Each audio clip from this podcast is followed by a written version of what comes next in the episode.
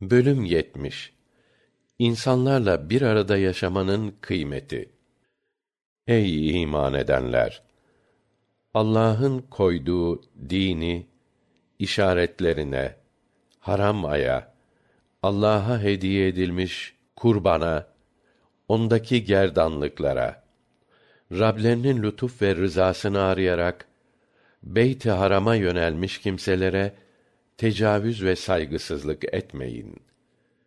İhramdan çıkınca avlanabilirsiniz. Mescid-i Haram'a girmenizi önledikleri için bir topluma karşı beslediğiniz kin sizi tecavüze sevk etmesin.